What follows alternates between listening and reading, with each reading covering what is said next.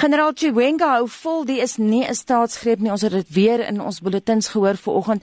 Hy beloof dinge sal na normaal terugkeer sodra die situasie gestabiliseer is. En brigadier Sibusiso Moyo het in sy TV-uitsending gesê die regsbank sal uitgelos word en die wetgewende arm van die parlement sal ook met hulle werk kan voortgaan volgens wat hy gesê het demokratiese beginsels. Staatsgreep of nie?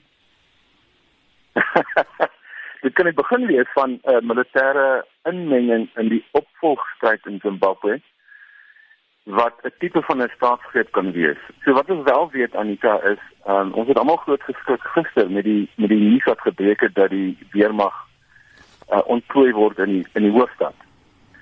En die idee van soldate wat die nasionale uh die ISIK bestorm as ware skep inderdaad die indruk dat die weermag besig is om die politiek van die land oor te neem of om die uitvoerende gesag in hulle plek te sit.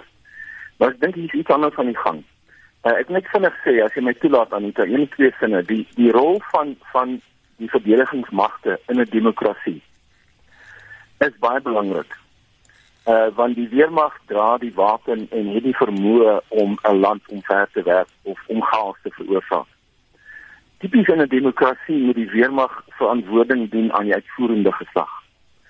En die president van die land, die hoof van die staat, het inderdaad die vermoë om die weermag te ontplooi of aan die barakke terug te stuur en tipies moet hy aan die parlement ver, verslag doen of verantwoording dien oor hierdie tipe van bevel wat hy uitvoer.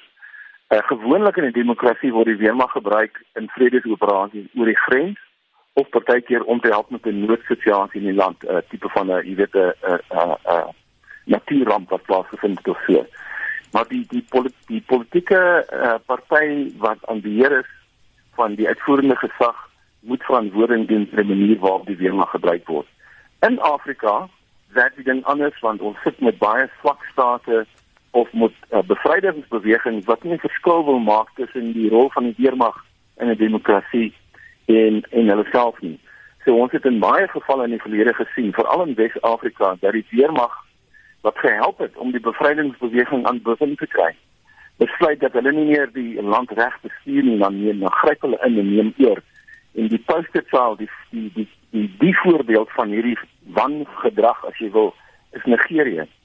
In Suider-Afrika is ons nie heeltemal ontslaaf van die probleem nie, want onder apartheid het die weermag dieselfde ding gedoen onder PW Botha was die weermag hierdie prominente instrument instrument gewees wat gebruik is deur politici om die land te bestuur en vyande vyande te verdryf.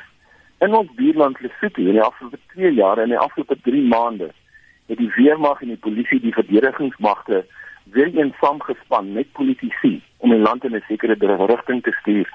Met ander woorde, dit lei tot chaos as die weermag nie demokraties in sy plek gehou word en reg bestuur word nie, kan dit lei tot chaos. In Zimbabwe het ons 'n situasie waar die weermag en ZANU-PF, die regerende party, saamgewerk het oor baie dekades heen om die land te bring waar hy nou is.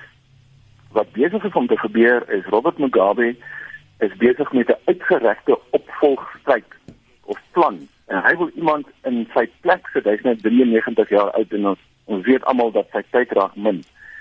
En hy is besig om mense rond te skuif en uh en faksies in die regerende party uit te manoeuvreer sodat hy sy eie persoon aan bewind kan kry.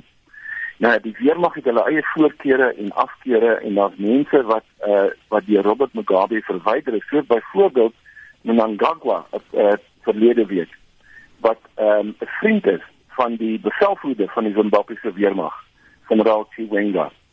En toe hy verwyder is omdat Grace Mugabe vir Robert Mugabe sê dat hy nie van hierdie ou nie, dis ons die storie verstaan toe het die weermag nou besluit maar genoeg is genoeg. Hulle gaan ingryp in die politiek van die dag om die rigting van die opvolgstryd te bestuur.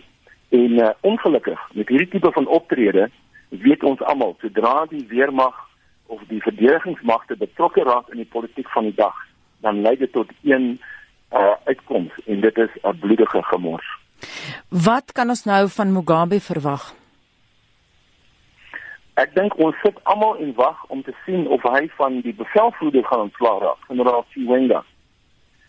Want Chiwenga het hom direk uitgedag. Chiwenga het vir Robert Mugabe gesê: "Jy bestuur hierdie opvolgstryd nie eintlik baie goed nie. Hierdie proses nie baie goed nie. Jy raak van die verkeerde ouens ontslaa.